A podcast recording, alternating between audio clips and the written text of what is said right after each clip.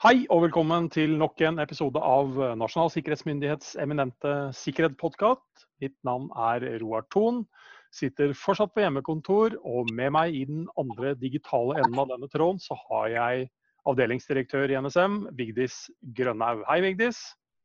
Hei, hei. Du har det bra? Det går bare bra her. Litt rart så langt unna deg og samtidig sånn her, men Ja det går fint. Det tror jeg vi får veldig bra til. Eh, Du har fått en eh, veldig viktig oppgave du, i dine hender. Um, Ja. Du skal altså lede, eller ikke bare skal, du leder eh, det vi sier er vårt viktigste nasjonale prosjekt innen cybersikkerhet. Eh, nytt varslingssystem for digital infrastruktur. Og det er forkorta VDI, noe vi sannsynligvis har nevnt flere ganger i podcast, andre podkastsammenhenger. Men hva er VDI i utgangspunktet? Ja, det er et veldig godt eh, spørsmål, eh, Roar. Eh, det er varslingssystem for digital infrastruktur. Mm. Og det er da et sensornettverk på internett. både for offentlige etater og for private virksomheter. Og det drives av Nasjonal sikkerhetsmyndighet. Ja. Og hensikten med det nettverket er jo at det skal prøve å oppdage om noen eh, utfører uønska aktivitet mot kritisk digital infrastruktur i Norge. Og Ja. som du sa, dette er utrolig spennende.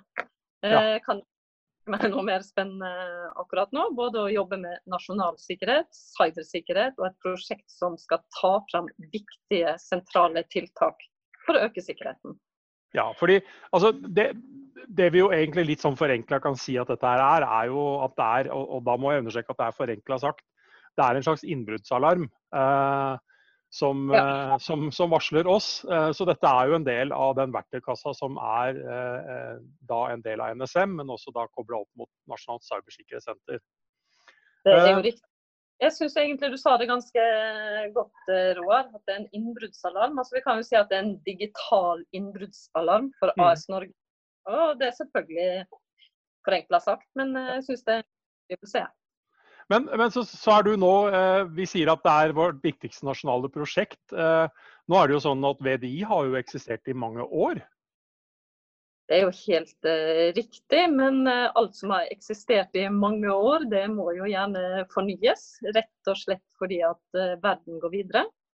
Ja, oppdatering, oppdatering har vi mast um, om nesten i hver episode ved at folk må gjøre, så dette høres så ut.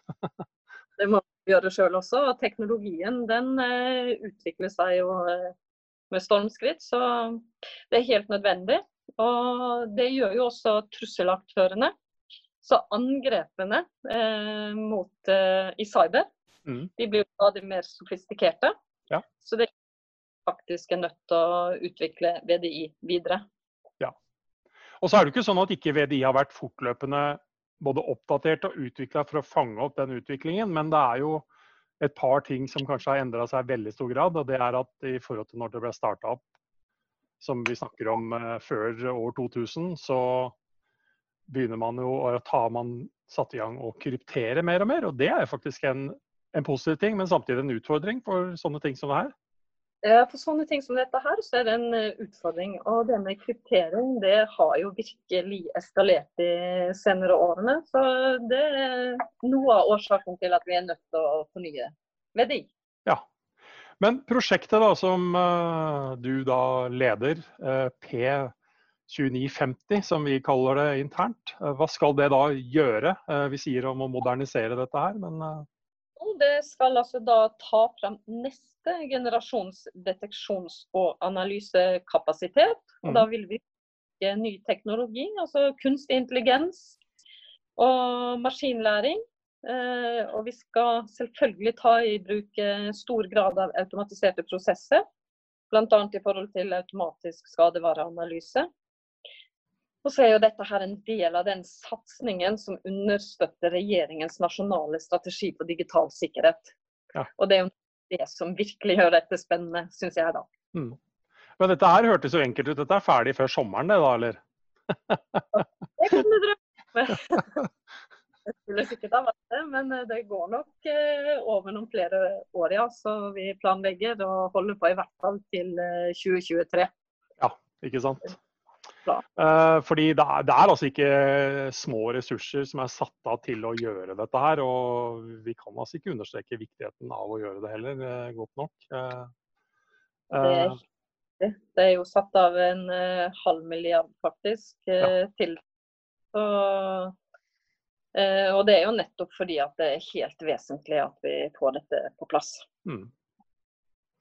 Men nå er det ikke sånn at du sitter med dette helt alene. Eh, så i disse dager så er du jo også ute etter å skaffe deg eh, enda flere smarte folk som jobber med dette her?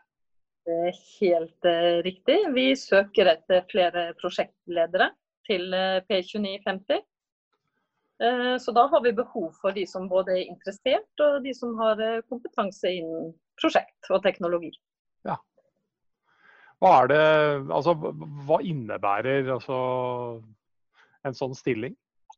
Jo, altså En sånn stilling det er jo litt sånn eh, tradisjonell prosjektlederstilling, da, hvor man skal lede prosjektarbeid innenfor et definert ansvarsområde med alle aktiviteter fra start til mål.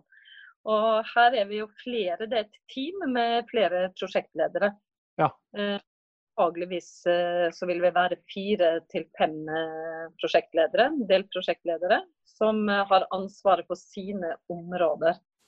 Og hvilke områder det er, avhenger jo av hvilken kompetanse de har, de som søker, og eventuelt får jobben.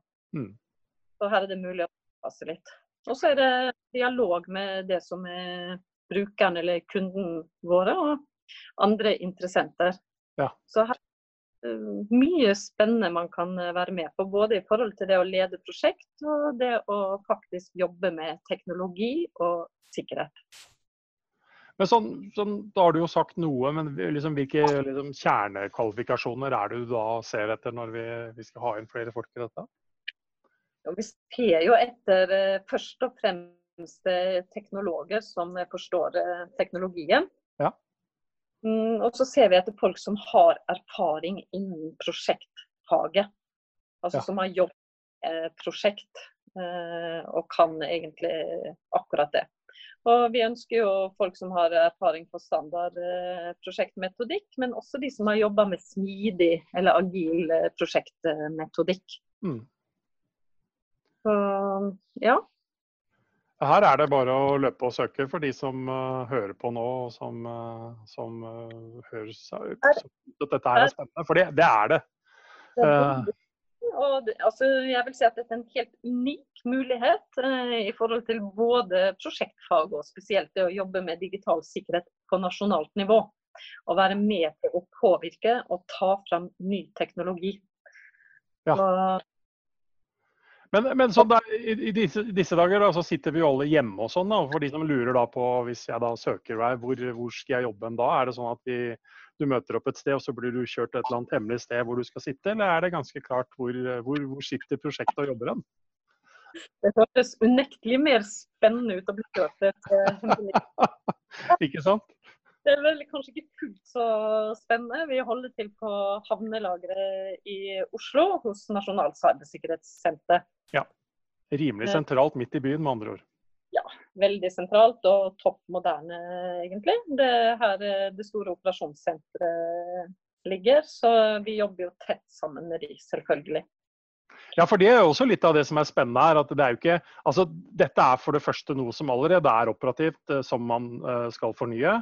Og man sitter altså også sammen med mennesker som sitter og bruker dette her i dag og har mye erfaring allerede. Så, så man kan jo godt si at man starter litt på null på tegnebrettet, men allikevel så er det dette er noe som ruller og går, altså.